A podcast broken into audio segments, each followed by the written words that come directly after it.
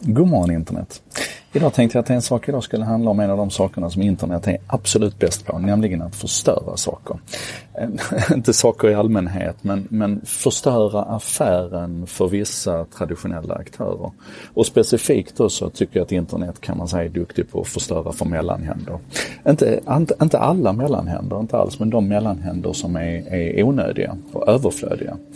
Och i det här fallet så blir det aktuellt genom eh, eh, genom Spotifys besked här eh, precis före helgen, fredag, lördag, så var ju katten äntligen ur tunnan att, att Spotify nu på den delen av sin tjänst som man kallar för Spotify for Artists, vi pratade om den för nästan ett år sedan här i En sak idag, hur artisterna idag fick direkt tillgång till sin statistik så att de kunde se vad folk lyssnade på, vad mer de lyssnade på.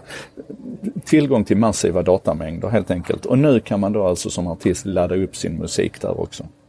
Inte alla artister än så länge, men det här är ett betaprogram som man släpper ut till fler och fler eh, artister efterhand. Och det här är ju en, en jättespännande eh, vad ska man säga, en, en riktning här nu från Spotify som vi alla har misstänkt alltid att man hade den målsättningen. Men det är ju naturligtvis ett, stort risktagande för Spotify finns ju fortfarande inte över hela världen. Man är fortfarande beroende av, av skivbolagens medgivande kan man väl säga för att komma in på marknader som, som Indien till exempel, en gigantisk marknad. Och vad man gör här nu det är att man går head to head egentligen med skivbolagen, med de här labels som vi brukar kalla dem. Och Redan tidigare så har det ju funnits antydningar till det här genom att det har funnits Spotify-specifika aktörer som bara egentligen har fungerat som en, en mellanhand för att se till att artisten kan komma upp på Spotify.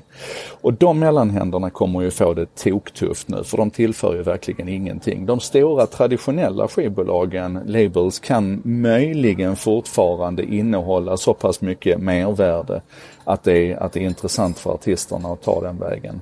Men vad vi ska komma ihåg här är att det handlar om hur mycket pengar som helst för, för artisterna potentiellt. Jag skrev en, en bloggpost för snart tio år sedan när jag fick tillgång till lite kontrakt och kunde se hur det såg ut med uppgörelserna. Och, och då var det så att någonstans mellan 50 och 60 procent av Spotifys intäkter gick vidare i riktning mot artisten. Men innan det nådde artisten så passerade då ett antal olika aktörer med skivbolagen och så vidare. Så att när det väl trillade ut hos artisten sen så hade en hundralapp blivit en femma. Alltså runt 5% landade hos artisten. Nu har det här förändrats. Det, har, det, det, ser annorlunda och bättre ut idag men det är fortfarande så att en stor del av den kakan som Spotify skickar i riktning mot artisten fastnar på vägen. Och ett sådant system är inte hållbart i längden. När det finns andra sätt att, att distribuera musiken nu så, så kommer det där att gå sönder. Jag menar vi har ju sett det här hända tidigare. Ibland är det bara tekniken som klipper till som när, när, vi, när vi gick ifrån vinylskivan över till CD-skivan och vägen låg klar i riktning mot, mot digital distribution av musik. Det är klart att skivbutikerna, de fysiska skivbutikerna fick slå igen. Vi har sett det på mer ett affärslogistiskt plan när Toys R Us fick stänga, vad det nu var, 750-800 butiker i USA och, och skrota hela kedjan för att Amazon och de andra näthandlarna var helt enkelt bättre på att göra det som Toys R Us gjorde.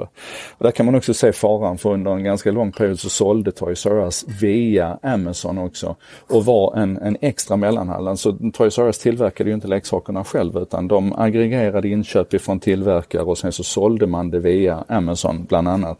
Vilket betyder att Amazon kunde få hur mycket leksaksdata som helst och, och se att det här är ett område där vi ska flytta fram positionerna och så gör man det och ut åker Toys R Us.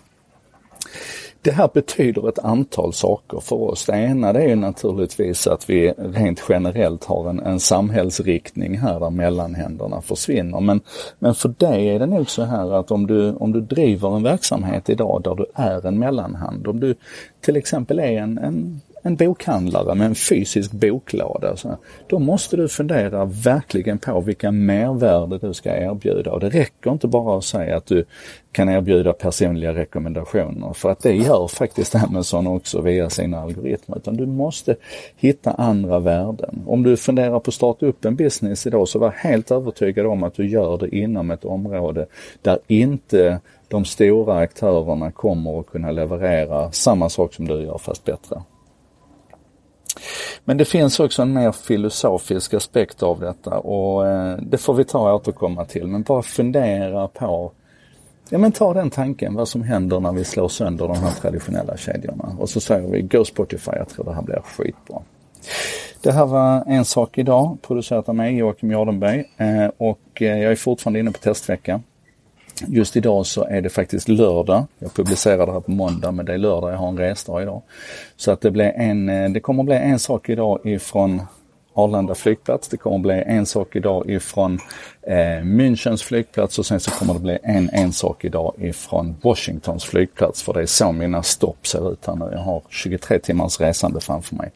Eh, jag vet inte, ni sa vid något tillfälle att ni ville ha lite bakgrundsinformation runt var jag var och vad jag gjorde och sådär. Så nu fick ni det. Och som tack för att ni fick det då, ni som ville ha det, så kan ni väl se till att hjälpa till att sprida och dela och få minst en kompis till att bli en, en sak idag-lyssnare. Finns i alla kanaler. Vill ni veta var, gå till jardenberg.se en sak idag så hittar ni det där. Ses vi snart.